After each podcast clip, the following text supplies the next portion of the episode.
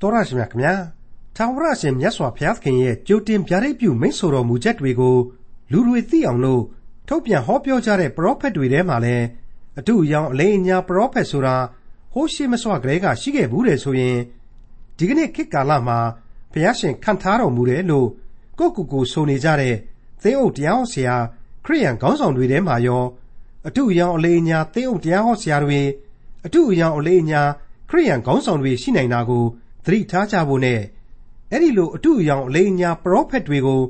ဘုရားရှင်ဘယ်လိုစီရင်တော်မူတယ်ဆိုတာဖော်ပြထားတဲ့ခရိယန်တမန်ကျမ်းရဲ့ဓမ္မဟောင်းကျမ်းပိုင်းတွေကယေရမိအနာဂတ်ကျမ်းအခန်းကြီး29နဲ့အခန်းကြီး30တို့ကိုဒီကနေ့တင်ပြရတော့တမန်ကျမ်းအစီအစဉ်မှာလေ့လာမှာဖြစ်ပါတယ်။ဒီကနေ့ခေတ်ကာလကဘာကြီးရဲ့နောက်ဆုံးသော နေ့ရက်တွေမှာဘယ်လိုဖြစ်ပေါ်မလဲဆိုတာကိုလည်းတွေ့ရမှာဖြစ်တဲ့ယေရမိအနာဂတ်ကျမ်း အခန်းကြီး29နဲ့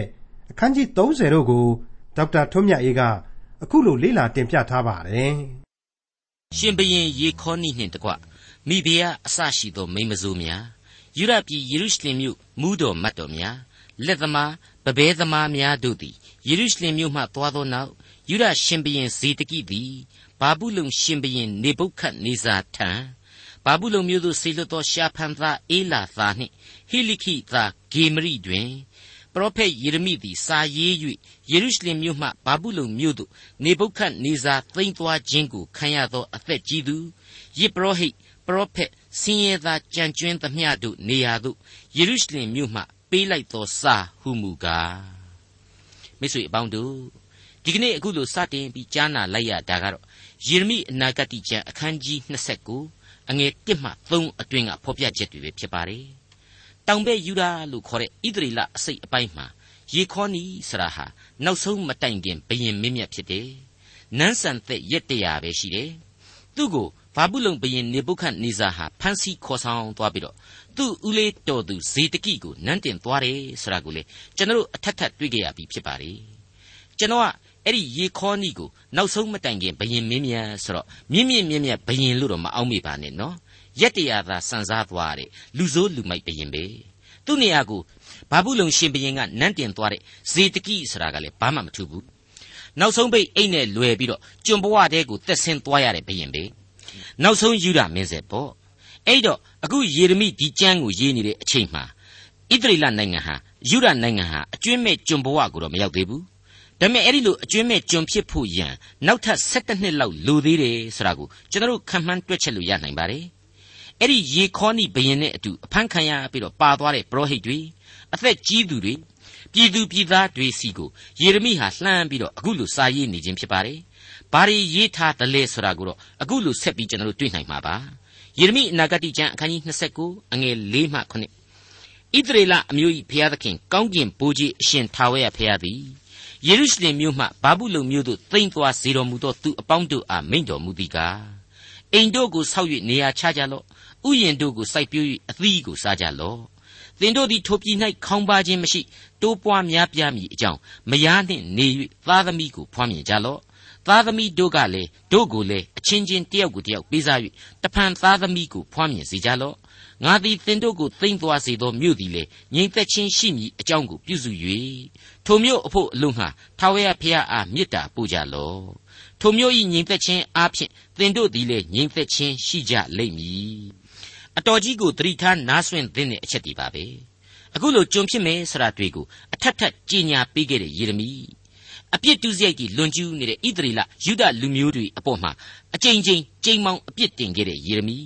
ဘုရားသခင်အမိန့်အာဏာဟာဘလောက်ပြင်းထန်ပြီးတစ်ချက်မှမလွဲနိုင်တာကိုသူသိခဲ့တယ် ပြီးခဲ့တဲ့သင်ခန်းစာတွေတုန်းကတွေ့ခဲ့ရတဲ့ဟာနနိနဲ့ဆိုရင်သူဟာဘာမှမဆိုင်ဘူးတကယ်ကိုဘုရားသခင်ရဲ့အလွန်သစ္စာရှိသောပရောဖက်ကြီးတစ်ပါးပဲဒီကျွန်ဘဝကနေမလွတ်နိုင်ဘူးဆိုတာကိုသူဟာကြိုတင်ပြီးတော့သိထားနှင့်တော့အရင်တုန်းကအပြစ်တင်ကြိမ်မောင်းမှုတွေပြုခဲ့သမျှအခုကျတော့ခမည်းတော်စိတ်ချမ်းချမ်းသာသာပဲနေကြပါဗျာအေးချင်းလေးလုတ်ကင်စားတော့ပြီးတော့အဲ့ဒီအရက်မှားသာအိုးသစ်အိမ်သစ်တွေတီထောင်ကြပါဘုရားသခင်အလိုတော်ကိုဝန်ခံဘုရားသခင်ကိုလည်းအမတုကြနဲ့တော့ ယေရုရှလင်မြို့တော်ကြီးအတွက်လည်းမေတ္တာပို့သဆုတောင်းပြီးတော့ငြိမ်သက်ခြင်းရှိနိုင်ကြပါစေတည်းတဲ့ကြည်စမ်းသူ့စကားကိုနားမထောင်ခဲ့တဲ့လူတွေသူ့အပေါ်မှာအပြစ်တင်ခဲ့တဲ့လူတွေအပေါ်မှာပင်လျင်သူဟာအညှိုးအတေးမထားဘူး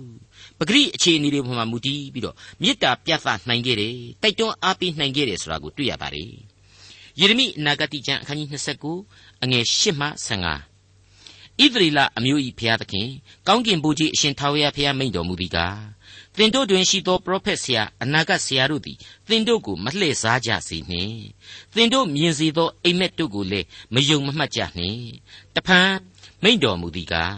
ထိုဆရာတို့သည်ငါစေလွှတ်သောသူမဟုတ်ဘဲငါနာမကိုအမိပြု၍မှုသာစကားကိုဟောပြောတတ်ကြ၏တဖန်မိန့်တော်မူသည်ကား ဘာဘူးလုံမျိုး၌အနှစ်80စေသောအခါသင်တို့ကိုငါအကြည့်အရှုကြွလာမည်ငါထားသောဂရိကောင်းကိုတည်စေ၍သင်တို့ကိုဤပြည်သို့ငါပို့ဆောင်ဦးမည်တဖန်မိန့်တော်မူသည်ကား ငါသည်သင်တို့ကိုအကျိုးနည်းစေခြင်းဟာကြံစီသောအကြံမဟုတ်ဘဲသင်တို့သည်မျှော်လင့်သောအကျိုးကိုရမည်အကြောင်းညီဝတ်စေခြင်းငှားသာသင်တို့အဖို့ကြံစီသောအကြံတို့ကိုငါသိ၏တဖန်မိန့်တော်မူသည်ကားသင်တို့သည်ငါကိုခေါ်၍သွာလာကြလိမ့်မည်ဆုတောင်းသောအခါသင်တို့စကားကိုငါနားထောင်မည်ငါကိုရှာသောအခါစိတ်နှလုံးအကျွင်းမဲ့နှင့်ရှာလျင်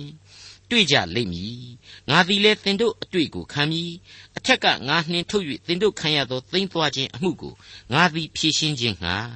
တိုင်းနိုင်ငံအရရတို့မှသင်တို့ကိုငါစုသိမ့်ပြီးလျင်အထက်ကငါနှင်ထုတ်၍သင်တို့ရှုံးသောပြည်သို့တဖန်ငါဆောင်ခဲ့အောင်မည်ဟုထာဝရဘုရားမိန့်တော်မူ၏မှောင်ရိပ်ကြီးရဲ့အစွန်းတစ်ဖက်မှာအလင်းကလေးပြပြကိုယေရမိဟာကြိုးပြီးတော့တွေ့မြင်ရတယ်။ ကျွန်ကြမှာဟာနှစ်ပေါင်း80တိုင်ကြာလိမ့်မယ်။ပြီးနောက်မှာတော့ပြန်လည်လွတ်မြောက်ရလိမ့်မယ်တဲ့။ဘုရားသခင်ရဲ့ယူပါယုံဗျာဒိတ်အတိုင်းသူကနေသင်ဖော်ပြပေးလိုက်ပါလေ။ဘလောက်အံ့ဩဖို့ကောင်းလဲ။ဘုရားသခင်ကပြောနေတယ်ဟိငါကျွန်ဖြစ်စေဆိုတဲ့အတိုင်းမင်းတို့ကျွန်ဖြစ်ရပြီအနှစ်80ကြာရင်တော့မုတ်ချလွတ်မြောက်ရစေမယ်ငါဂရိပေးတယ်မင်းတို့ဆူတောင်းလျက်နေကြမင်းတို့အတွက်အကောင်းဆုံးတွေကိုငါစီစဉ်လိုက်ရတာပါပဲတဲ့ခန်းစားချက်အမျိုးမျိုးကိုဖြစ်ပေါ်စေတယ်လို့ကျွန်တော်ခံယူမိပါတယ် ဖျားသခင်ရဲ့တကူတော်ကိုတအံ့တော်နားလေလာရသလိုဖျားသခင်ရဲ့မေတ္တာသဘောကိုလေယင်ထဲမှာသိမ့်သိမ့်တုံအောင်ကျွန်တော်အနေနဲ့ထိတွေ့ရကြောင်းတင်ပြလိုပါတယ်ဆက်လက်ပြီးတော့ဖော်ပြပေးလိုက်တဲ့အနာဂတ်တွေကတော့လောလောဆယ်ကျွန်မဖြစ်သေးတဲ့ကြံရစ်နေသေးတဲ့ယူရလူမျိုးတွေအတွက်ပါပဲယေရမိအနာဂတ်ကျမ်းအခန်းကြီး29အငယ်16မှ20အတွင်းကိုဆက်ပြီးကြည့်ကြပါ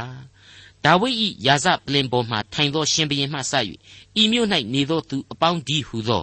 သင်တို့နှင့်အတူသိမ့်သွားခြင်းကိုမခံရသောသင်တို့ညီအကိုများကိုရည်မှတ်၍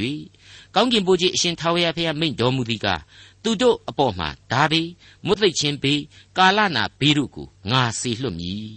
မစားနိုင်အောင်အလွန်ညံ့သောသင်္ဘောတဖန်းသီးကဲ့သို့ငါဖြစ်စေမည်သူတို့ကိုဓာဘေးမွတ်သိပ်ခြင်းဘေးကာလနာဘေးဖြင့်ငါနှင်းစေမည်ငါနှင်းရအရရတို့၌လူအမျိုးမျိုးတို့တွင် သူတို့သည်ကျိန်ဆဲရာအံ့ဩဘွယ်ရာ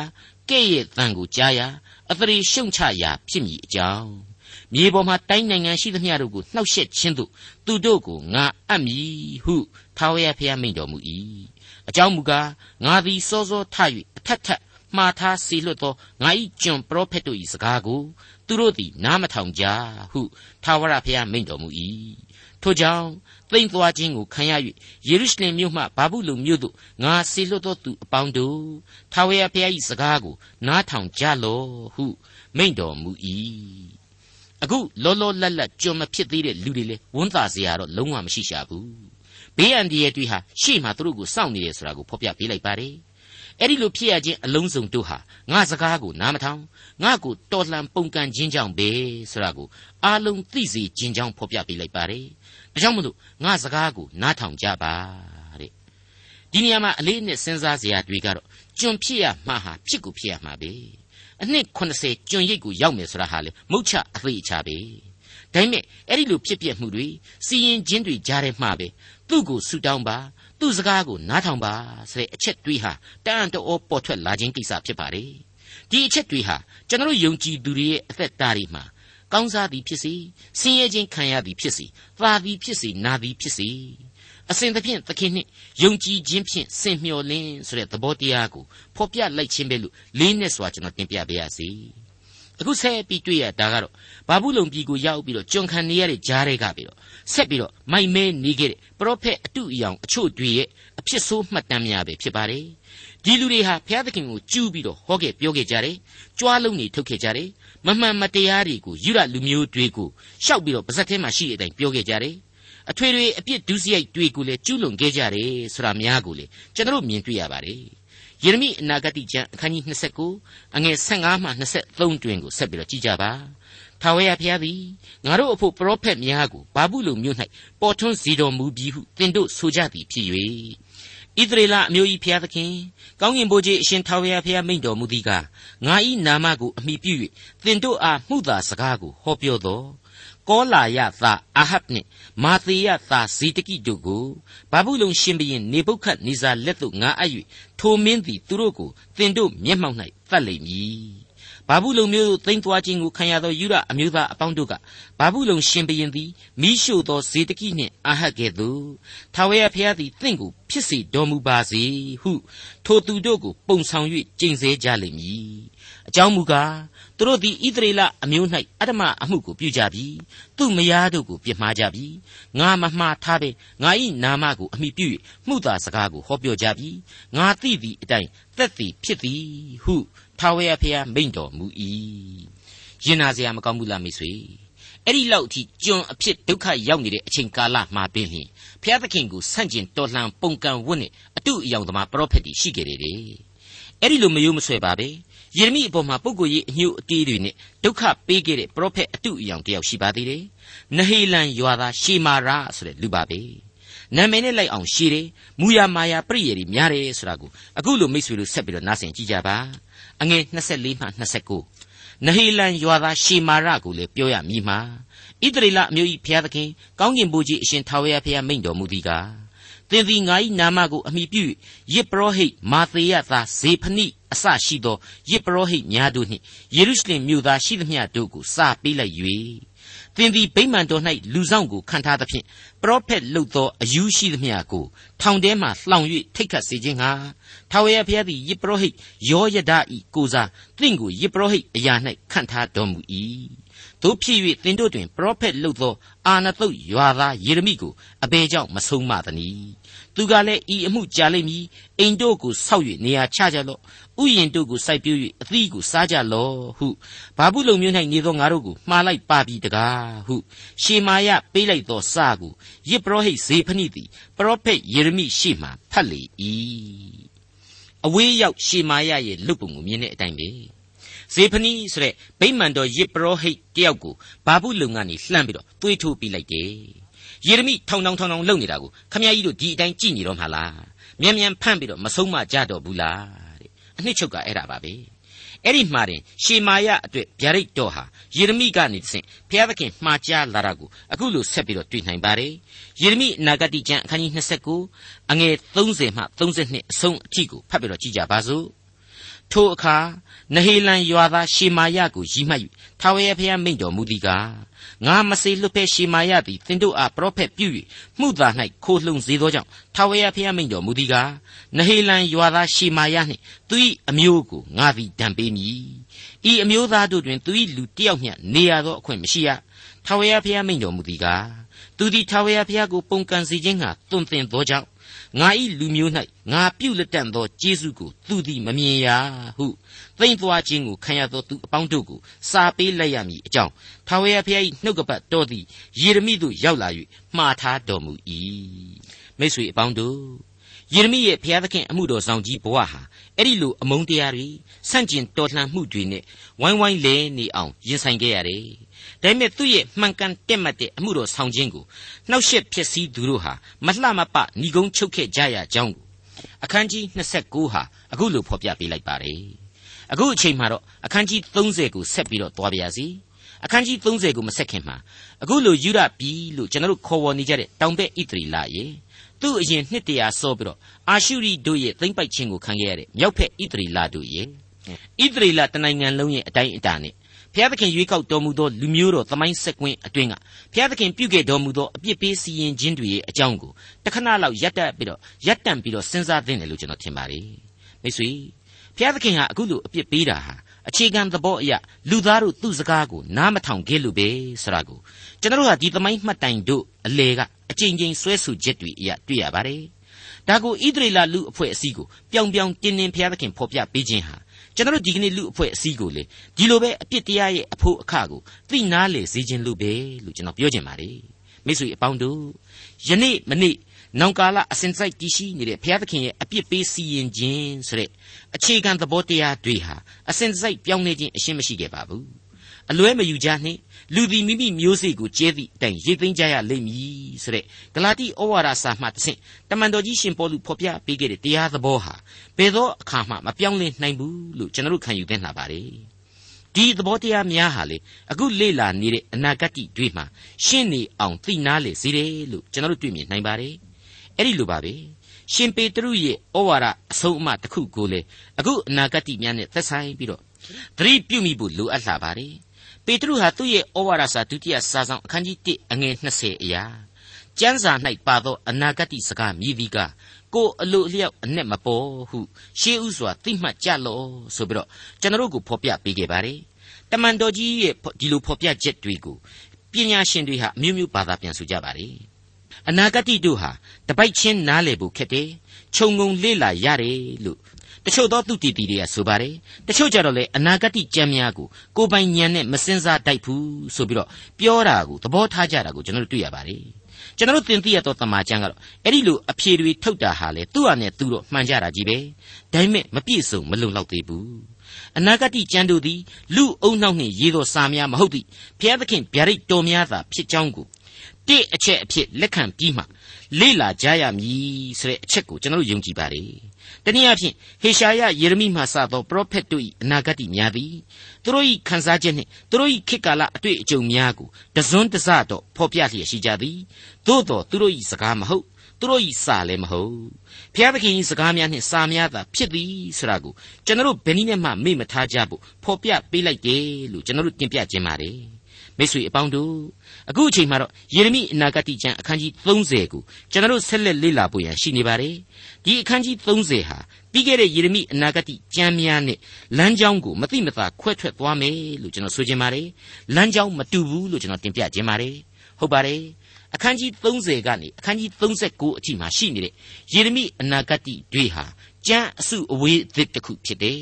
ပြီးခဲ့တဲ့အခန်းများမှာယူဒယူဒဆိုပြီးတော့ယူဒပြည်ကိုအဓိကထားခဲ့ရာကနေပြီးတော့ ၁၂မျိုးသောဣသရေလအမျိုးအနွယ်တို့အားလုံးကိုခြုံငုံဖော်ပြသောအနာဂတ်များအဖြစ်ပြောင်းလဲသွားပြီဆိုတာကိုတွေ့ရလိမ့်မယ်လို့ကျွန်တော်တို့ဒီအပိုင်းနဲ့ပတ်သက်ပြီးတော့ကြိုတင်တင်ပြထားနှင်ခြင်းပါတယ်စတင်နားဆင်ကြည့်ကြပါစို့ယေရမိအနာဂတ်ကျမ်းအခန်းကြီး30အငယ်1မှ3ထာဝရဘုရား၏နှုတ်ကပတ်တော်သည်ယေရမိသို့ရောက်လာ၍ဣသရေလအမျိုး၏ဘုရားသခင်ထာဝရဘုရားမိန့်တော်မူသည်ကားသင်အားငါပြောသမျှသောစကားတို့ကိုရေးထားလော့ ထာဝရဘုရားမိန့်တော်မူသည်ကားယခုသိမ့်သွားခြင်းကိုခံရသောငါ၏လူဣသရေလအမျိုးနှင့်ယုဒအမျိုးသားတို့ကိုငါဆောင်ခဲ့ရသောအချိန်ကာလသည်ရောက်လိမ့်မည်သူတို့ဘိုးဘေးတို့အားငါပေးသောပြည်သို့ငါပြန်လာစီသဖြင့်သူတို့သည်ပိုင်ရကြလိမ့်မည်ဟုမိန့်တော်မူ၏အခြေအနေဟာယုဒပြည်အတွက်တော့သိတ်ကိုဆိုးနေတဲ့အချိန်ကာလဖြစ်ပါတယ်ဣသရေလဆိုတဲ့မြောက်ဖက်ခြမ်းကအမျိုးတွေကတော့ကျွန်ဘဝကိုရောက်ခဲ့ပြီးတာနှစ်တရာခန့်လောက်ရှိနေပါပြီ အဲ့ဒီလိုအခြေအနေဆိုးကြီးအကြောင်းကိုဘာမှမစသေးပဲနဲ့ဖော်ပြပေးလိုက်တာကတော့ယခုသိမ့်သွားခြင်းကိုခံရသောဣသရေလနှင့်ယူဒတို့ကိုငါပေးခဲ့သောပြည်သို့တစ်ချိန်သောကာလမှာငါပြန်လဲဆောင်ယူခဲ့မယ်ဆိုတဲ့ဂရိတော်ပါပဲယခင်သင်ခန်းစာတွေတုန်းကလို့အနှစ်80ဆိုတဲ့ကာလကိုထည့်မပြောပါဘူးအချိန်တန်ရင်ဆိုတဲ့အချက်ကိုသာဖော်ပြပေးလိုက်ပါလေယေရမိအနာဂတိကျမ်းအခန်းကြီး30အငယ်၄မှ9 ဣသရေလအမျိုးနှင့်ယူဒအမျိုးကိုရည်မှတ်၍ထာဝရဘုရားမိန့်တော်မူသောစကားဟုမူကားငါသည်ထိတ်လန့်ခြင်းစကားသံကိုကြားရ၏ငြိမ်သက်ခြင်းမရှိကြောက်ရွံ့ပွေသောအကြောင်းသာရှိ၏ယောက်ျားသည်သားဖွားတတ်သလို့ဟုမေးမြန်းကြည့်ရှုကြလော့မိန်းမသည်သားဖွားခြင်းဝေဒနာကိုခံရသောအခါမိမိခါ၌လက်တင်တဲ့ကဲ့သို့ယောက်ျားတိုင်းပြု၍ခသိန်းသောသူတို့သည်မျက်နှာပြည့်လျက်ရှိကြသည်ကိုအဘယ်ကြောင့်ငါမြင်ရသနည်းအလိုလေ ထိုနေ့ရက်ကခိုင်းနိုင်စရာမရှိကြီးသောနေ့ရက်ဖြစ်၏ယာကုပ်အမျိုး၌အမှုရောက်သောနေ့ရက်ဖြစ်၏တို့ရာတွင်သူတို့သည်ကဲတင်ခြင်းသို့ရောက်ကြလိမ့်မည်ကောင်းကင်ဘုရားအရှင်ထာဝရဘုရားမိန့်တော်မူသည်ကားထိုနေ့ရက်၌သူတို့ထမ်းရသောတဘိုးကိုသူတို့လေပင်မှငါချိုးပယ်မည်သူတို့ကိုချီနှောင်သောကြိုးများကိုငါဖြတ်မည်တပားမျိုးသားတို့သည်နောက်တဖန်သူတို့ကိုမစေစားရကြ သူတို့သည်မိမိတို့ဘုရားသခင်ထာဝရဘုရား၏အမှုကို၎င်းသူတို့အဖို့ငါပေါ်ထွန်းစေသော ရှင်ဘရင်ဒါဝိဒ်၏အမှုကို၎င်းဆောင်ရွက်ရကြမည်အခုအပိုင်းဟာသမယိုးကြယေရမိဗျာဒိတ်တော်ရဲ့ပုံစံများနဲ့မတူတော့ပါဘူးဟဟေရှာယအနာဂတိကျမ်းများရဲ့စာအသွားအလာနဲ့တွားပြီးတော့ဆင်တူနေပါတယ်နောက်ဆုံးသောကပ်ကာလနေ့ရက်များကိုဗျာဒိတ်ပြုလိုက်ခြင်းပဲလို့ကျွန်တော်တို့ဆိုချင်ပါတယ်အထူးသဖြင့်သူတို့ဟာမိမိတို့ဘုရားသခင်ရဲ့အမှုတော်ကိုထမ်းရွက်မယ် သူတို့အဖို့ငါပေါ်ထွန်းစေသော ရှင်ဘရင်ဒါဝိဒ်အမှုကိုဆောင်ရွက်ကြရမယ်တဲ့အဲ့ဒီအချက်ဟာထူးဆန်းနေတယ်ဒီအချက်ဟာဖြင့်ဒီအချက်အားဖြင့်ဒီအချိန်ကာလဟာကျွန်တော်တို့လက်လန်းမမိနိုင်တဲ့ကာလကျွန်တော်တို့နားမလည်နိုင်တဲ့ကာလကျွန်တော်အသေးစိတ်မသိနိုင်တဲ့ခရစ်တော်ရဲ့နိုင်ငံတော်တည်ထောင်ခြင်းကာလကိုကြိုတင်ဗျာဒိတ်ပြုဖော်ပြပေးလိုက်တယ်လို့ကျွန်တော်ခံယူလိုက်ကြပါတယ်ယေရမိနာဂတိကျမ်းအခန်းကြီး30အငယ်30မှ14 တို့ဖြစ်၍ထာဝရဘုရားမိန့်တော်မူသီကားအိုးငါကျွန်ယာကုပ်မကြောက်နှင့်အိုဣသရေလအမျိုးစိတ်မပြည့်နှင့်သင်ကိုဝေးသောအရမှ၎င်းသင်၏အမျိုးသားတို့ကိုသိမ့်သွားရပြီးမှ၎င်းငါနှုတ်ယူဆောင်ခဲ့သဖြင့်ယာကုပ်အမျိုးသည်ပြန်လာ၍ခြောက်လှန့်သောသူမရှိငြိမ်ဝတ်ချမ်းသာစွာနေရလိမ့်မည်ဟုမိန့်တော်မူ၏တဖန်မိန့်တော်မူသည်ကသင်ကိုကယ်တင်ခြင်းဟာသင်နှင့်အတူငါရှိ၏ ငါသည်သင်ကိုငါကွဲပြားစေသောတိုင်းနိုင်ငံရှိသမျှတို့ကိုဆုံးစေတော်လေသင်ကိုမဆုံးစေတို့ရတွင်အပြစ်ကိုရှင်းရှင်းမလွတ်ဖဲအတော်အတန်ဆုံးမမည်ထာဝရဘုရားမိန့်တော်မူသည်ကားသင်အနာသည်ပျောက်ခဲ၏သင်ခံရသောဝေဒနာသည်ပြင်းလှ၏သင်အနာကိုစီးအံ့သောငါအဘယ်သူမျှသင်အမှုကိုမဆောင်အနာပျောက်စေနိုင်သောဆေးကိုအဘယ်သူမျှမကူ သင်ဤမိတ်ဆွေရှိသမျှတို့သည်သင်ကိုမေ့လျော့၍မမေးမရှာဘဲနေကြ၏သင်အပြစ်သည်ကြီး၍သင်ပြုသောဒုစရိုက်သည်များပြားသောကြောင့်ရန်သူပေးတတ်သောအနာနှင့်သင်ကိုငါနာစေပြီကြမ်းတမ်းသောသူပေးတတ်သောဒဏ်ကိုငါပေးပြီအတိတ်ကာလကအာရှုရိဘာဘူးလုံတို့ရဲ့ကျွန်ဘဝတို့ကနေပြီးတော့လွတ်မြောက်ခြင်းသာလျှင်မကပဲနဲ့ကျွန်တော်မျက်မှောက်ခေတ်ကာလအထိဖြစ်ပေါ်တည်ရှိနေခဲ့တဲ့ဣသရေလရဲ့ကမ္ဘာသမိုင်းရှည်ကြီးကိုကြိုတင်ရည်ညွှန်းခြင်းပဲလို့ကျွန်တော်ကတော့ခံယူပါတယ်။ သင်ကိုကယ်တင်ခြင်းဟာသင်နှင့်အတူငါရှိ၏ဆိုတဲ့အချက်ဟာ